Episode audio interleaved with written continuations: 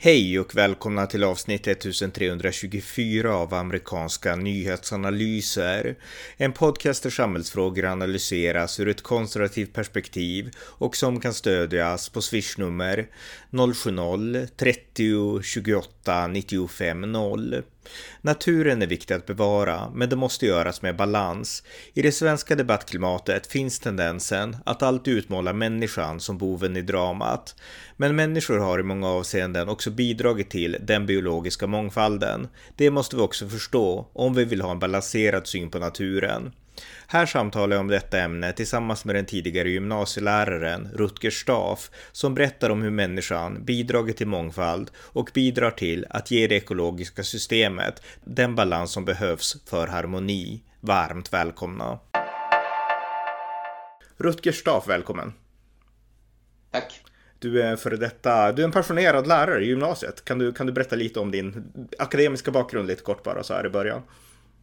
Ja, Eh, jag började egentligen som eh, lantbrukare, för jag är uppvuxen i en eh, då, familjejordbruk. Men jag bytte ut grisarna mot elever, brukar jag säga. Jag såg ingen idé att fortsätta med lantbruket. Jag satte mig på skolbänken igen. Först tänkte jag inte bli lärare, utan jag tänkte bli forskare. Men vissa saker hände att jag växlade ut och blev lärare. Jag trivdes med det, upptäckte jag. Och det var ju biologi som har varit mitt huvudämne. Men jag hade även läst eh, geologi och geografi, kemi och fysik.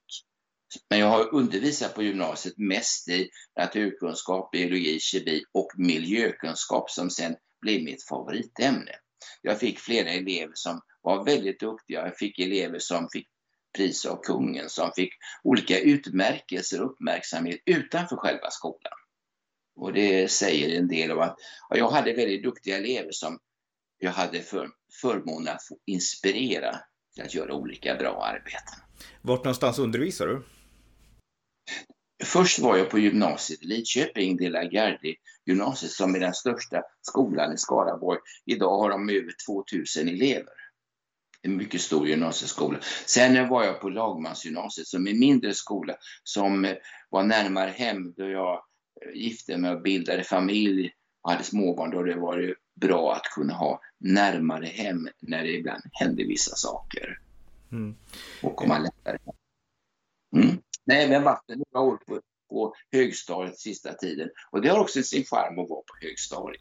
Jag kan tänka mig det. Och det är det jag tänkte fråga lite grann om. För att jag menar, jag är uppväxt på, jag är född 1979, så att när jag gick i högstadiet, det var ju tidigt 90-tal kan man säga. Och då var det väldigt mycket prat om det var ozonskiktet och det var mycket prat minns man om. Man fick börja lära sig om vikten av att bevara regnskog och sånt. Det var ju mycket att man skulle köpa träd, eleverna fick samla in pengar och köpa regnskog i Brasilien och liknande. Mm. Och sådär. Eh, och vi fick också lite grann, minns jag, jag har tänkt tillbaks på det här då, vi fick också lite grann input på att miljön var i verklig fara människorna höll på att skövla regnskogen och en dag kanske vi måste gå ut i rymden därför att vi kanske har förstört den här planeten. Och jag minns att vi fick, vi fick rita rymdskepp när jag tror vi gick i sexan och så skulle vi rita rymdskepp och förklara hur man skulle kunna bevara någon slags biologisk mångfald i rymdskeppet. Eller bygga ett ekosystem så var det i rymdskeppet. Så att man skulle kunna leva på frukt man odlade därför att här på jorden skulle man inte kunna leva vidare. Och eh, det här var ju länge sedan då, jag, det var ju länge sedan jag var, gick i högstadiet. Men du har ju varit lärare till väldigt många gymnasieelever då, inte minst högstadieelever. Och eh, det jag minns då, det var ju att det målades upp den här katastrof, det här katastrofscenariot, jorden håller på att gå under och det är människans fel. Och min fråga till dig är, är det här någonting som elever fortfarande på något sätt får lära sig att jorden håller på att gå under och det är vårat, det mänskliga, ja, det är människornas fel? Ja, det är samma sak fortfarande och kanske ännu värre med tanke på klimatet. Jag har själv då fått eh, hjälpa min dotter att komma på andra tankar. Hon har i skolan fått höra, redan på mellanstadiet, att det har varit bättre för jorden om människor inte funnits, fått höra från sin lärare. Och sen har jag gjort undersökningar om detta med mina elever, men även på andra skolor. Ungefär 50 procent av eleverna har fått höra det från en lärare eller fått en sån undervisning som de har tänkt sig själva att det hade varit bättre för jorden om människan inte funnits. Ungefär 50 procent eleverna. Och detta tycker jag är katastrofalt då. Och sen har jag fått höra, som jag själv, man får fått hjälpa sina barn att eh, bemästra den negativa påverkan på tankesättet från skolan, från lärare och läroböcker. Man har fått hemma bearbeta detta negativa intryck och visa att det stämmer inte. Och det är också, tycker jag, katastrofalt att föräldrar, och det är inte alla föräldrar som kan det lika bra, har fått bearbeta och hjälpa sina barn att komma ifrån de här negativa tankarna som man får från skolan. Och det kom, jag vet, jag själv var ung då på 60-talet, i slutet då, då kom ju vissa böcker med att vi skulle ha jättestora svältkatastrofer på 70-talet. Paul Ehrlich var en väldigt känd forskare, biolog. Och han har fått många, många priser, denna eh, dysterkvist. Och han eh, har även fått, fått priser här i Sverige. Men eh, han pratar om ett par hundra miljoner människor ska dö svältdöden under 70-talet, var nära förestående. Så detta med domedagsprofeterna har fått en speciell ställning i samhället, i media och även i skolan. Domedagsprofeterna har fått använda skolans multimediaanläggningar som sin estrad för att föra ut sina dystra budskap att snart har vi utrotat allting på jorden. Och många lärare, de har ju själva så att säga fått lära sig detta. De överför sin egen oro och sin egen, egna bekymmer på eleverna på det här sättet. Så jag har sett det lite av min uppgift att motverka det här. Mm. Men om man ska, alltså, om man, finns det något fog i den här rädslan? För jag menar, människorna har ju byggt industrier, vi har haft djur som har varit nära utrotning, havsörnar och liknande och eh, naturen har skövlats och så. Alltså, finns det någon liksom legitimitet i den här skepsisen mot den mänskliga påverkan? Människan har ju haft både negativ och positiv påverkan. När det gäller utrotning av djur så är det i första hand jakten då. Att vi, vi äter upp djuren. Om vi tar isbjörnar till exempel de eh, var ju väldigt jagade förr i tiden. Men eh, man kom fram till vissa internationella konventioner som man spikade fast i slutet på 70-talet. Och då skriver, stå, läser man i en svensk bok som eh, rekommenderas av eh, Världsnaturfonden att nu har vi 10 000 isbjörnar, nu är den räddad för framtiden. Man var jätteglad över detta.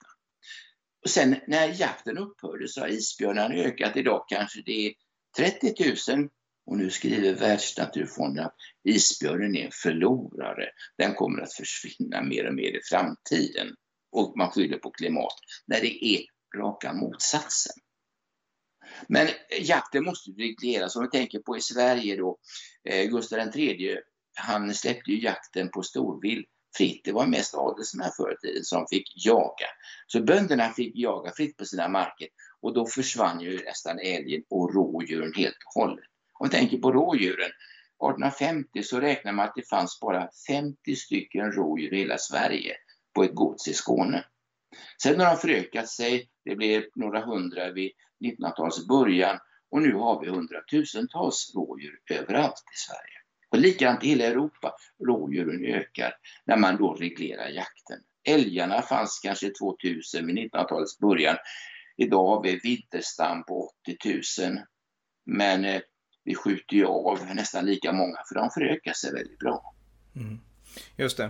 Men om vi återgår till de här katastrofscenarierna, att människan bara påverkar liksom, eh, naturen negativt. Det här är ju någonting som jag berättar att vi har blivit matade. Det är många som tror så och mm. eh, ja, Greta Thunberg har vi som ett bra exempel på det också. Men alltså, eh, du har gjort en intressant forskning om att där du helt enkelt beskriver att människan har också påverkat naturen positivt och det på sätt som vi kanske inte ens har tagit i akt tidigare i historien. Kan du berätta lite om det?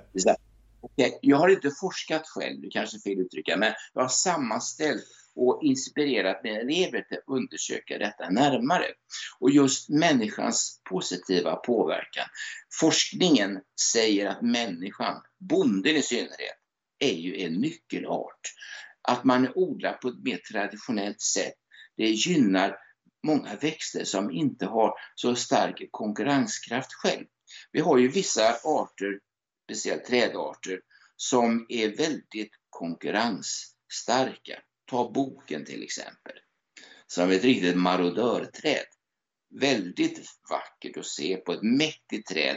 Men när bokarna bildar beståndsskogar, då konkurreras andra växter ut totalt Om man åker till Söderåsen i Skåne och går i bokskog så ser man att det växer ingenting alls på marken. Hade boken kommit till Sverige som en invasiv art på senare år så hade man gjort allting för att utrota den. För den, den motverkar biologisk mångfald. Och jag kan själv se med den uppvärmning jag haft att bokens nordgräns förflyttar sig norrut. Där jag bor, det är något ovanför bokens nordgräns. Jag kan se på mina skogsmarker att där blir det fler och fler bokar. Men framtiden skulle bli en bokskog om inte jag går och hugger ner bokarna då.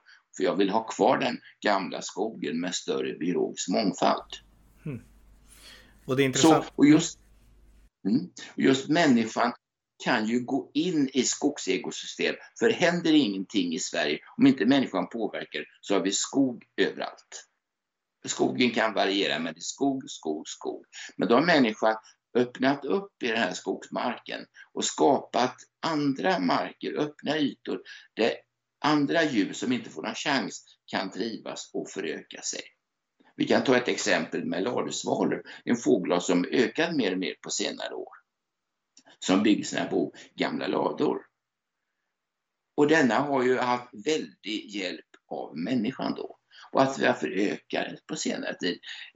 Ingen har bevisat det, men min tanke är det att vi har ganska många lador som står och används inte så mycket. För har man foder till djuren i de här ladorna så kan man inte ha allt för mycket ladusvalor med bo i dem, för de skitar ner väldigt mycket. Men i och med att de inte används nu så har det inte behövts på samma sätt att hålla efter ladusvalorna. De har ökat väldigt mycket på senare tid. En djurart som har väldigt stor nytta av människan så att säga. Mm. Och även växter och sånt här har väl nytta av att vi liksom håller liksom fälten öppna och kanske inte brukar all ja. mark utan att vi har ängar och sånt. Ja, vi har två exempel vi kan ta. Vi har ju det som vi inte gillar, det som vi kallar för ogräs. Det är ju växter som hör hemma i kusternas tångvallar, som behöver en miljö som är näringsrik, där det inte finns för mycket konkurrens med andra växter. Där fungerar de väldigt bra. Sen har de här växterna upptäckt att i människans grönsaksland, i våra åkrar, där är ju det jättebra, det är näringsrikt för vi gödslar, det är inte så stark konkurrens. Så här har vi, vi öppnat upp jättebra för en grupp av växter som ursprungligen bara fanns i tångvallarna vid kusterna. Det är ett exempel. Och sen har vi skapat betesmarker. Ängsmarker förr i tiden, där tog man och slog ofta med slåtterängar hö först, tog gräset. Och sen efteråt fick djuren beta där. Och då blev det en väldig biologisk mångfald. Vi har ett exempel som är dokumenterat där man inom en kvadratmeter kunde hitta 49 arter. Tänk dig det, 49 olika arter inom en kvadratmeter. Det är något som man inte hittar i den vilda naturen. Det finns överhuvudtaget inte i den vilda naturen. Det är bara natur som är påverkad av människor, kulturmarker, där man kan hitta sån väldig biologisk mångfald. Och då måste man ju ge tillfälle för de här bönderna, som då är nyckelart, som gör att det blir sådana här marker. Man måste ge dem bra tillfälle om vi vill att den här biologiska mångfalden ska bevaras.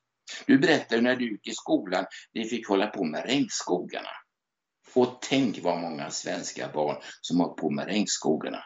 Men de svenska ängsmarkerna är ännu mer artrikade, mer utrotningshotade än regnskogarna. Men ingen brydde sig om dem under den här tiden, utan de fick försvinna undan för undan.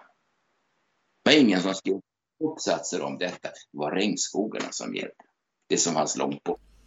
Verkligen. Men, men det är intressant. Men jag menar, Eh, många argumenterar ändå för att den naturliga naturen, den sköter allt bäst. Den upprätthåller ekosystemet på bästa sätt och liksom man behöver bygga nationalparker och låta djuren vara i fred och vi ska komma in på vargar alldeles strax som, som är huvudämnet för det här samtalet. Men, men vad tänker du om det liksom? Alltså att, kan inte naturen sköta ek ekosystemet bäst? Och även om de inte kan det så är ändå inte det det naturliga tillståndet. Och borde inte det naturliga tillståndet vara det liksom det rätta, om man får använda det uttrycket? Det är en vanlig tanke att det naturliga tillståndet är rätt. Men nu är det så att i naturen det finns inget som är rätt eller fel. Det finns alla arter påverkar naturen på ett eller annat sätt, mer eller mindre. Vissa till påverkar mer. Om vi tar bävern till exempel. Det är en djurart som då ändrar om sin närmiljö helt och hållet för att den miljön ska passa bättre för sig.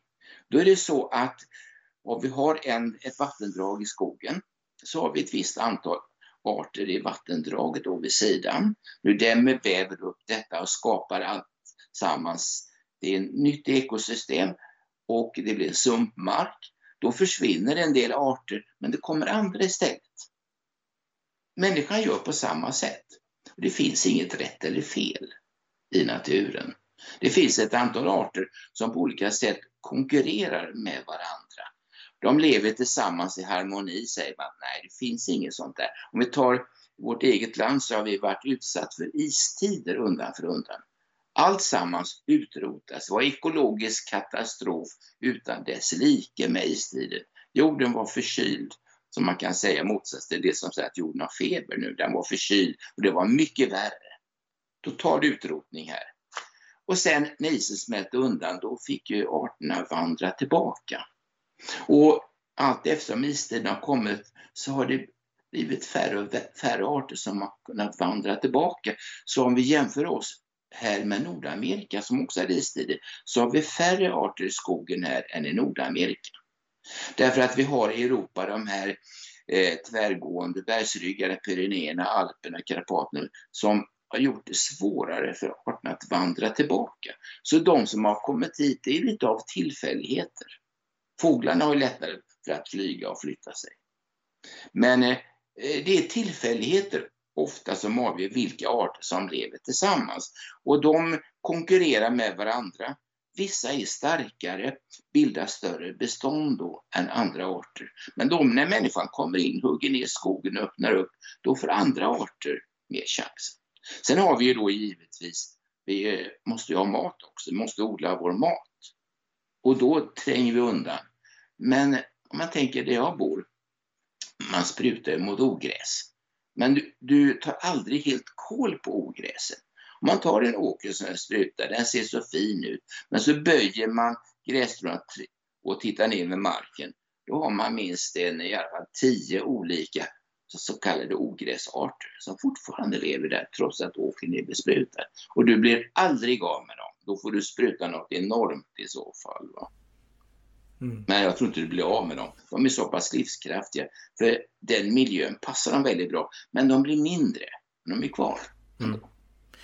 Eh, men min fråga varför jag ställer den frågan det är för att det finns ju någon slags mytisk syn om att det finns ett harmoniskt naturligt tillstånd någonstans där bak ja. i urhistorien och att liksom allt människan gör det, det har förstört det här liksom mytiska naturtillståndet, harmoniska naturtillståndet. Och när du berättar här då, då får jag känslan av att det här är verkligen en myt. Det har inte funnits något naturligt, liksom harmoniskt tillstånd, utan det har hela tiden varit en konflikt. Och människan är en del av det här. Och vi, till skillnad från andra arter, vi har förmågan att försöka hitta balansen. Därför att om man tänker sig bara, nu spekulerar jag och du får gärna komma med liksom din, din input på det här sen, men om det bara skulle finnas eh, alltså djur och natur, till exempel ett stort bestånd av eh, djurarter som åt träd och sånt, då skulle till slut träden försvinna och det skulle bli väldigt många djur som svalt och sådana saker. Medan människan kanske kan balansera det här på ett bättre sätt än naturen. Vad tänker du om det?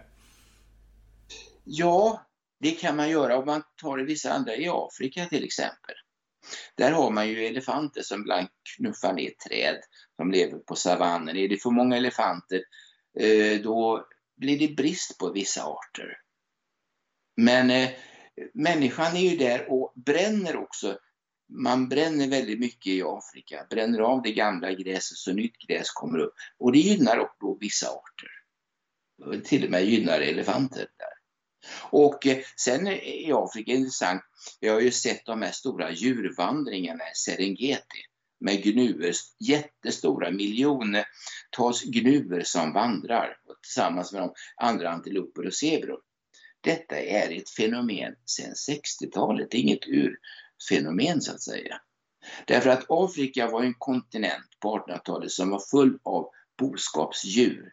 Man hade inte bara massajen utan alla hade sina boskapsdjur och det var viktigt att ha mycket boskapsdjur. Så Afrika var så fullt av boskapsdjur. Men så kom eh, boskapspesten på 1870-talet som raderade ut miljoner djur och det blev svält på sina ställen. Det drabbade också vilda djur. Men här lyckas man då på 50-talet i slutet utrota boskapspesten som även bildade, eller även påverkade vilda djur. Och sen körde man bort människorna från det här Serengeti-området. Det var ju gamla boskapsmarker egentligen. Då körde man bort dem och då fick vi den här enorma ökningen av antiloper och speciellt gnuer då. Så vi ser de här djurvandringarna som vi tror att det är ett fenomen sedan urminnes tid.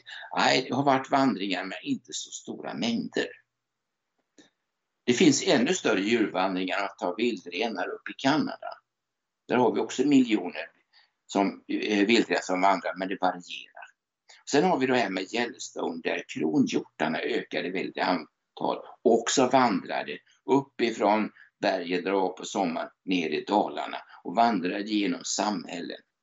Men eh, det tyckte man, det här var inte bra att vi skulle ha samma djurvandringar som vildretan och Serengeti utan nu skulle vargen tillbaka och man tog in kanadensiska vargar som då såg till att dovhjortarna minskade i antal. Så vi har inte de här stora vandringarna längre som vi kunde ha haft. Ett nordamerikansk Serengeti till exempel. Just det. Och det är klart, är det mycket djur som vandrar på en gång så påverkar det vissa andra arter, växtarter negativt. Det går inte att komma ifrån det. Men här, här ville vi inte ha det i Yellowstone. Man satte in vargar och då ändrar man balansen med hjälp av dem. Det kanske inte var de eh, amerikanska, eller för att säga USA-vargar, för vargarna varierar i storlek. Sibiriska vargar är större än europeiska vargar, nordeuropeiska vargar som är större än medelhavsvargar. Det varierar i storlek. Då gäller det att sätta tillbaka rätt djur och en del ifrågasätter när vi tog in kanadensiska vargar, de var större än de ursprungliga och mer effektiva som jägare också. Men eh, det var en annan sak vi kom in på. Men människan, så att säga, kan betyda väldigt mycket positivt, men okej, okay, människan kan också vara negativ för djuren, speciellt genom jakt, att vi äter upp djuren. Vi måste reglera det här. Vi är så många människor.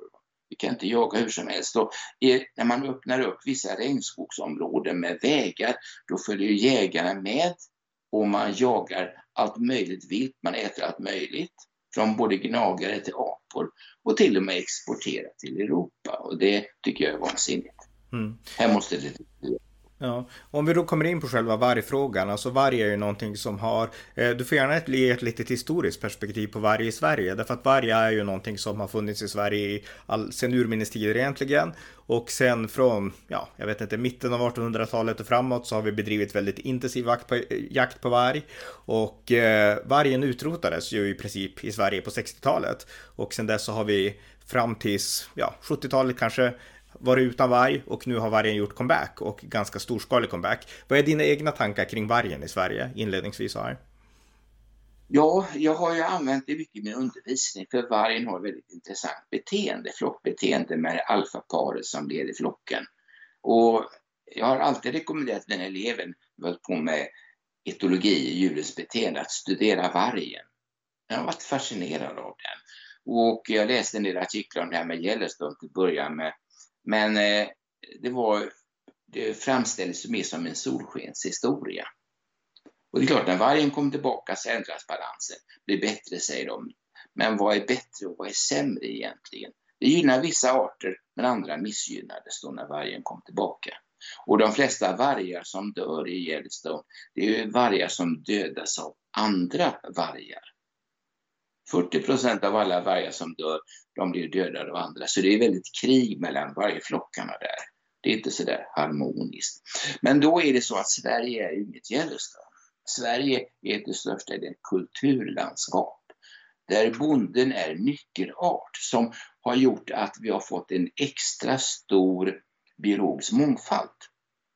Och den svenska forskare som en gång i tiden startade Centrum för biologisk mångfald som sorterar under Lantbruksuniversitetet och Uppsala universitet, Urban Emanuelsson heter han.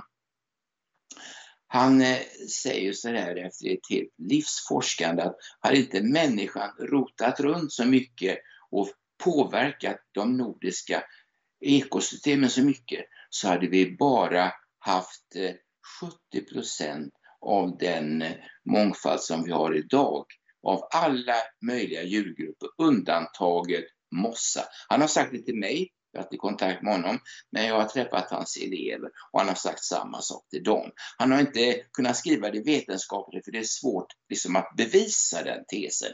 Men det är hans intryck efter ett helt livs forskande när det gäller biologisk mångfald och han har varit ledande på det här området i Sverige.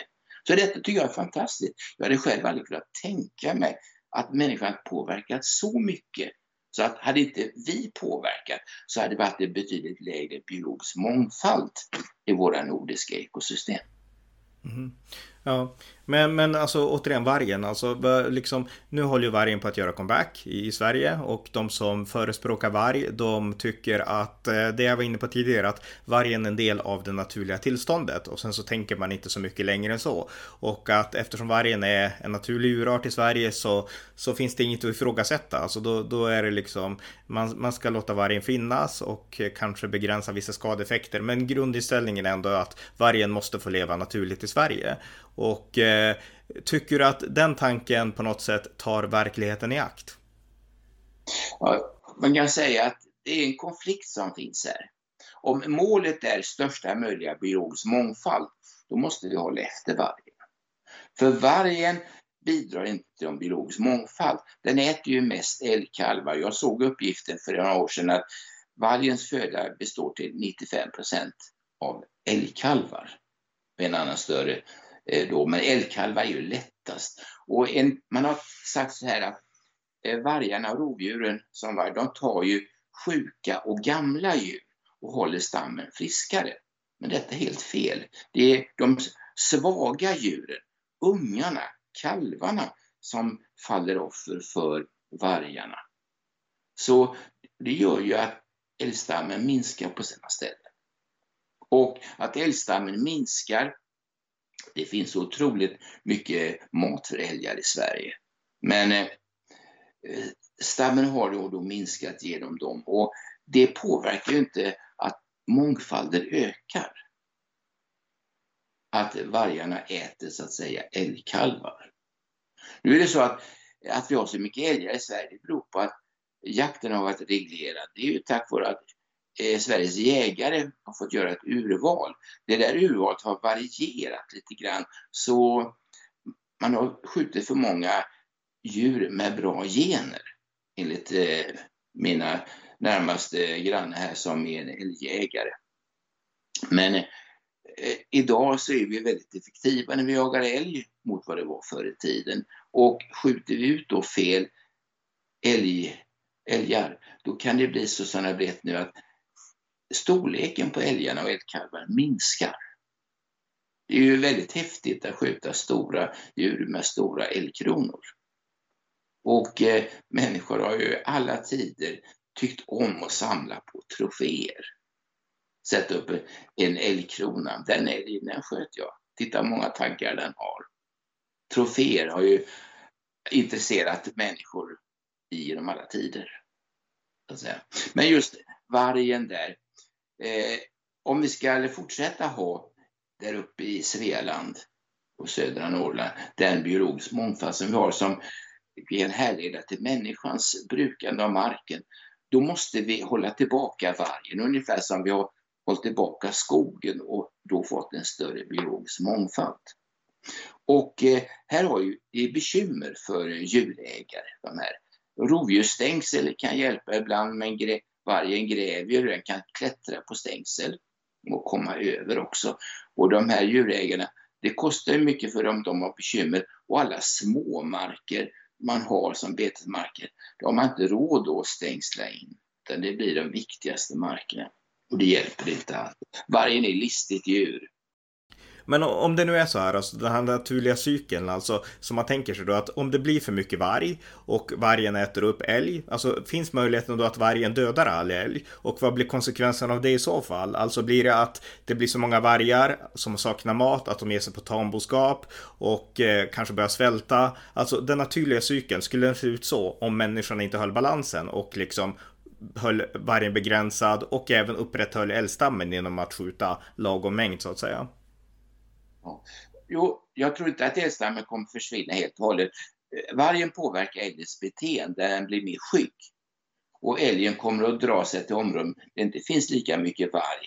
Och de här eh, vargflockarna kommer ju att, så att säga, precis som i Yellowstone, kriga mot varandra. Vargarna kommer också döda varandra. Men finns det då lättfångat byte i närheten som boskapsdjur, ja då ger man sig på dem om det är för lite vargar, eller för lite älgar. Mm. Ungefär som i Yellowstone, mycket vargar, så vargarna sprider sig utanför mer än vad man har beräknat från början. Och där finns det boskapsdjur som det är lätt för vargen att ge sig på. Och vargen som hoppar in i en fårhage tar ju inte bara ett får utan den dödar ju ett antal får utan äter upp alla. Så eh, om vi låter vargen förökas allt för mycket, då säger ju de styrande, det har varit en proposition att vi ska ha en vargförvaltning. Men det har inte blivit någon förvaltning utan man skjuter lite djur, lite vargar på måfå, ett visst antal eh, varje eller vartannat år. Men det är ingen förvaltning. Utan förvaltning, då ska man ha en plan för vad ska man ha vargar? Då kan man ha ett en del vargrevir på ett område några år, men när de vållar problem så tar man bort dem och så får de ha vargrevir på andra områden. Så man liksom inte låter samma eh, landsända drabbas lika mycket alltid av varg, utan man kan ju låta vargpåverkan vara lite olika där. Men det viktiga är, vi kan ha varg, men vargen måste förstå att människan är farlig. Så vi måste då skjuta vargar som kommer nära människor så att vargarna fattar att vi ska inte gå nära människor och deras djur. Då kan vi ha varg. Men som det är nu så ställer det till med problem, väldigt mycket bekymmer och eh, vargen har många ställen bara sett på senare tid blivit mer orädd för människor och bebodda platser. Och det beror på att den inte är alltså betingad, alltså vi har inte lärt den att vara rädd. Beror det på det? Nej. Vi måste, ska vi ha varg så måste vi lära vargen vara rädd för människor. Mm. Och så måste vi tänka att vi ska behålla den här biologiska mångfalden som ett följd av människans brukande av markerna. Bonden är en nyckelart, mer än vargen Ja. Eh, finns det alltså, eh, saknas det, är vi för okritiska i förhållande till varg i Sverige? När man tänker på det svenska debattklimatet och så, eller vad tycker du? Ja, vi har ju vissa intressegrupper som jobbar väldigt som den Svenska Rovdjursföreningen. Och läser man därom så får man intrycket att vi ska absolut inte påverka de här rovdjur, för de är så viktiga i ekosystemet. Björnen där får man reda på att den är viktig för fröspridning. Har du hört det förut? Nej, det har jag inte hört. Nej. Vi är vana vid att vissa djur sprider frö. Man äter frukter och så bajsar man någon annanstans och kärnorna finns kvar. Och då tar man ett exempel från björnar i Kazakstan. Där har man fruktskogar, äppleskogar. Och lika som våra björnar äter mycket blåbär så äter de mycket äpplen där. Och när de vandrar och bajsar ut så kan de sprida äpplen äpple, så det blir äpplen på fler ställen. Det är ett exempel på att björnar är bra på att sprida frö som används som Svenska rovdjursföreningen drar fram. Mm. Men då kan jag säga att människan är mycket bättre på att sprida äpplen. Vi har spridit äpplesorter över hela jorden och gjort ännu fler äpplen. Sen har vi vargarna. De är bra därför att de hjälper mindre rovdjur att få föda. Eftersom vargen dödar många djur och inte äter upp dem så blir det ma mer mat för asätare. Järven nämner man, men vissa andra mindre rovdjur. I andra fall brukar man argumentera för att det är bra med stora rovdjur därför att de äter upp mindre rovdjur så att inte de har lika stor påverkan. Tar man bort topprovdjuren så blir det mycket mer av mindre rovdjur. Och de kan ställa till med ännu mer problem ha mer negativ påverkan på ekosystemet. Man argumenterar lite på olika sätt eh, på olika platser. Här i Sverige argumenterar man för att margen gör att det blir mer av de mindre rovdjuren istället. Och vissa asätare då. Om vi tar ett exempel med vargar från eh, Östasien där vi har den i Manchuriet, den sibiriska tigern så vet ju alla att den var nästan utrotad. För cirka 100 år sedan så fanns det 20-30 sibiriska tigrar kvar i naturen. Men eh, man har skyddat dem och de har ökat 20-falt. Så det finns ju flera hundra utav dem i dagens läge. Men eh, de tog ett annat boskapsdjur och därför blev de jagade. Men när den sibiriska tigern försvann så upptäckte ju folk att då fick vi mycket mer vargar istället. Och de var ännu mer besvärligare för bönderna. Så då lyckas forskarna övertyga bönderna om att acceptera att den sibiriska tigern, okej, okay, den tar ett annat boskapsdjur. Men den äter vargar också. Till och med äter svartbjörnar, yngre svartbjörnar. Och äter till och med leoparder. Så när sibiriska tigern kom tillbaka över större områden, då blev bönderna där av med vargen. Den försvann. Eh, det här sibiriska tigern fungerar som ett apex-rovdjur, riktigt toppkonsument då, som håller då koll på andra rovdjur, mindre rovdjur som vargen och leoparden och kanske rävar också. Så att de är inte lika besvärliga för bönderna i området. Mm. Men här i Sverige, alltså här, här finns det inget rovdjur som äter varg antar jag? Nej, och därför måste människan fungera från ett sådant rovdjur. För vargarna förökar sig väldigt mycket.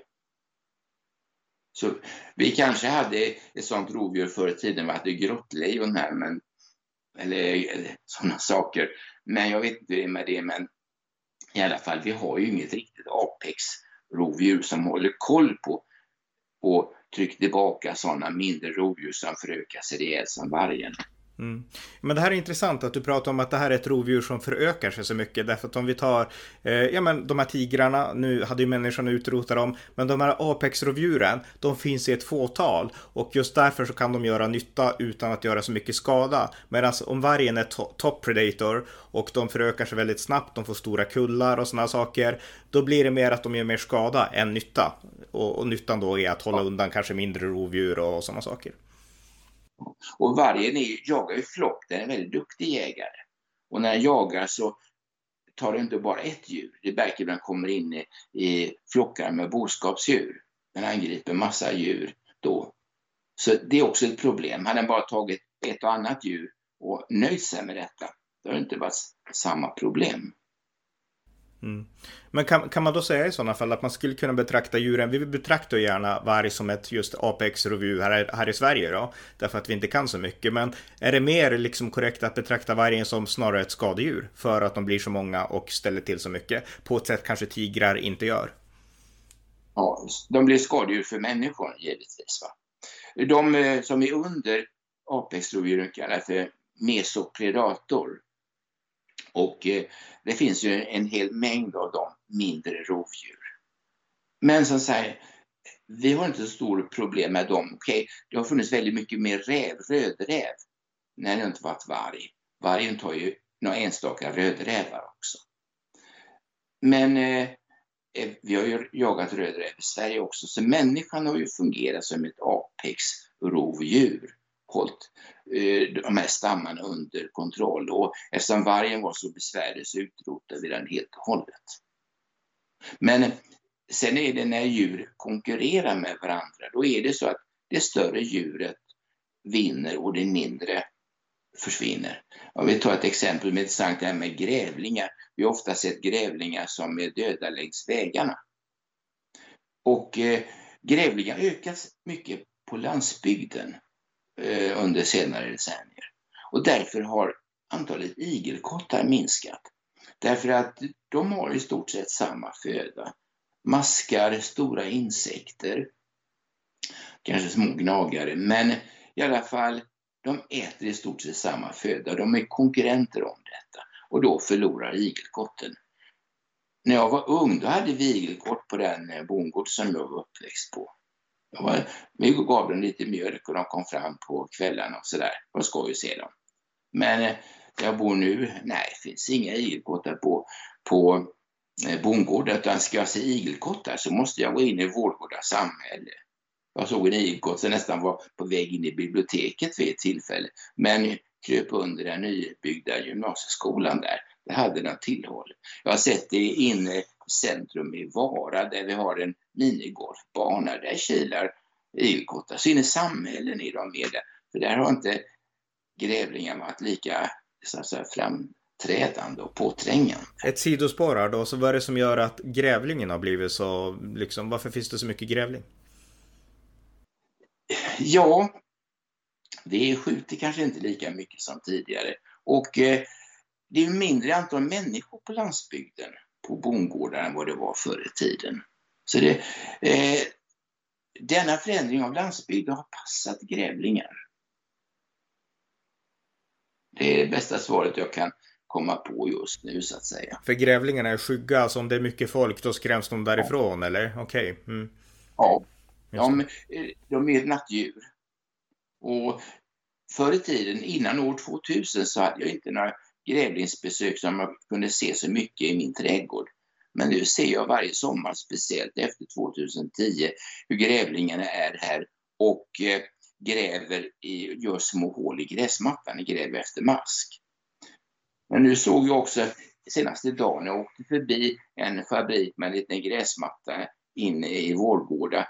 Där såg jag en hel eh, stort område som var uppgrävt av grävlingar. Så det är risk att de kommer in mer i samhällen också, om eh, inte vi gör någonting åt det. Mm. Vildsvin har ju förökat sig mycket i Sverige. Då tycker vi att här har vi vargen som är bra jägare. De kanske kunde ta vildsvin. Nej, vildsvin är för svåra för vargarna. Så de, vi har ingen hjälp för att hålla tillbaka vildsvinsstammen av mm. vargen. För vildsvin... Det är älgkalvar och rådjur. Ja, men det är intressant för att vildsvinsstammen är ju verkligen en invasiv art som har kommit hit och den förstör mycket. Här uppe där jag bor i norr finns det inga vildsvin än som tur är då, men, men jag antar att söderut så, så påverkar vildsvinen väldigt mycket. Men där skulle alltså vargen inte göra någon nytta utan det, det är bara människor som kan, och knappt det ens, som kan, kan jaga vildsvin. Det gäller grisar över hela världen. De är svåra. Eh, vi har ju vild, vild, vilda förvildade svin som orsakar jättestor skada i Australien till exempel. Och det är bara människan som kommer hålla efter. De är liksom vissa superinvasiva arter. Vildsvinen räknas till dem. När de kommer. Vi har vildsvin inne i Berlin till exempel. Mm. Och att djuren söker sig till städer, det är också ett intressant när vi är inne på detta med människan i förhållande till djuren och speciellt fåglarna. Ornitologer som ska ut och titta på fåglar, ja, de åker ibland till städer, parker. På vissa ställen finns det väldigt gott om fåglar. Man har gjort väldigt intressanta studier i Tyskland, i storstäder som München, Berlin och liknande. Där har du mer varierat när det gäller fåglar i normala, mer opåverkade centraleuropeiska skogar. Så städerna är mer fågelrika, artrika på så sätt. Och ser vi på Sverige, även Finland, eh, hälften av de arter som häckar i Sverige har du i Stockholm. Om du utgår från eh, ja, kungens slott där och tar det, gör en ruta där omkring på två gånger två mil. Sidor på två mil då. Mm. Så har du inom denna yta 50% av alla häckande fågelslag i Sverige hittar du att de häckar också i staden. Jag har själv gjort beräkningar på detta med underlag av massa observationer som fågelskådare gjort i Stockholm. Jag såg nämligen eh, uppgifter om detta från Helsingfors. Då tänkte jag att det fanns inga uppgifter i Stockholm då. Så satte man ner och räknade på detta och kom fram till att eh, 50 procent av alla häckande fågelarter häckar i Stockholm. Och jag har låtit andra som är mer kunniga än mig på fåglar ornitologer, en professor i Uppsala granskade det här. De hittade ett fel där bland annat som jag hade gjort där på en observation som var otrolig för eh, man får ju sätta det i relation till dessa fåglars ganska naturliga utbredningsområde. Men jag fick det bekräftat av denne professor i Uppsala också att eh, jag hade fått det rätt jag granskade de här observationerna. För vissa får man ställa sig tveksam till. Men det är mycket intressant. 50 procent av alla häckande svenska fåglar finns i Stockholm, i, i själva staden. Så det blir också ett exempel på att människan kan tillföra något som naturen inte kan tillföra för att få en större biologisk mångfald. Ja, och att eh, det vi bygger och det vi gör har, det har djur nytta av också mm. i städerna. Och det här som jag nämnde förut med eh, de här ladusvalorna som har jättestor nytta av våra byggnationer på landsbygden. Mm. Ja, det här är intressant. Jag tänkte vi ska avrunda lite grann. Vi har pratat om, eh, ja, vi har pratat om utopiska idéer om ett liksom harmoniskt naturtillstånd och vi har pratat om varg och lite andra saker. Men om vi ska prata lite politik också väldigt kort. Alltså, jag förespråkar någonting som jag själv kallar för konservativ konservationism. Alltså att man ska värna naturen på ett, med vett helt enkelt. Vi ska värna naturen men ändå förstå att människan är en del av naturen. Alltså vi ska inte vara anti-jakt men vi ska inte heller vara för att utrota djur och så. Eh, avslutningsvis, tycker du att det behövs mer balans i den svenska politiska debatten om natur och djurvård? Ja, tycker jag, för vi kan inte tänka bort människan. Vi har påverkat den svenska naturen sedan slutet på istiden. De första människorna kom hit. De var inte jordbrukare. Men eh, de högg ner en del skog, de brände marker, de öppnade upp på sina ställen. Och sen kom jordbruket som öppnade upp ännu mer. Människan har funnits här sedan istidens slut och påverkat hela landskapet. Ibland har man huggit ner för mycket träd, som på 1800-talet då hade väldigt mycket ljunghedar i Västergötland. Man såg inte något enda träd på långa, långa avstånd. Men vi ska liksom så att säga med förstånd bruka vår natur. För vi kommer att fortsätta bruka den. Och det ska vi göra med förstånd. Mm. Nu är det så att vissa grupper vill alltid skuldbelägga människan. Om vi kan få ta upp ett exempel till. Det gäller fågelskådare. Det kanske du har hört att sätta upp fågelholkar. Det rekommenderar man oss att göra. För det moderna skogsbruket har gjort att det finns ju inte så mycket boträd kvar. Har du hört det? Mm. Ja. Och tänk vad många gånger fått höra. Men går vi till 1800-talet så fanns det på stora marker i Halland, här i Västergötland, fanns ju inte ett enda boträd på långa avstånd. Det var ju kalhugget alltsammans. Det var ju eh, hedmarker i stor del av Västergötland. Vi hade ljunghedar här. Det är därför som ljungen har blivit Västergötlands landskapsblomma. Det var, skogen hade försvunnit helt och hållet. Så vi har mer boträd nu för fåglar än vad vi hade på 1800-talet. Och de dåliga träd som fanns, de tog ju bönderna ner för att ha till ved. Och bra träd hade man ju för virke. Så detta är ett typiskt skuldbeläggande av människan med en helt felaktig grund som fågelskådare har hållit på med. Jag tycker vi ska se, jag tycker vi ska bygga fågelholkar. Jag har inspirerat mina elever att göra det också. Vi ska göra det för att då blir människan en positiv miljöfaktor för andra arter. Det är så vi ska se det. Därför ska vi göra fågelholkar. Inte för att eh, vi ska skuldbelägga för att vi har modern skogsbruk som inte lämnar boträden kvar. Det är bara dumt snack alltsammans. För förr i tiden så fanns det inga boträd kvar. Hela Sverige, södra Sverige var ju som en enda stor kohage. Mm. Med väldigt glesa bestånd med träd. Så kan man och säga att vi, kan man väl säga att vi tänker, vi tänker mer på naturen idag än vi gjorde för 100 år sedan, 150 år sedan? Ja, på vissa sätt så tänker vi mer på och vi går aktivt in på att bevara den, speciellt eh, kulturpåverkad natur så att säga, som är bland det finaste och vackraste vi har i vårt land. Mm. Och det måste vi vara rädda om. Och vi måste tala om det för våra barn att denna kulturberikade så att säga mark som är, har väldigt rik biologisk mångfald som ett resultat av människans brukande av marken. Det borde vi tala om för våra barn så att de kan vara stolta över vad människan har gjort tidigare och hjälpa till att bevara sådana här marker. Det är jätteviktigt tycker jag. Mm. Mycket bra, men då vill jag säga stort tack till dig Rutger Stav för att du var med här och pratade, så tusen tack! Tack själv för att jag fick vara med. Det var avsnitt 1324 av amerikanska nyhetsanalyser. En konservativ podcast som finns för att ge det perspektiv på tillvaron som svensk media inte ger. Stöd gärna på swishnummer 070-30 28 95 0 eller via hemsidan på Paypal, Patreon eller bankkonto.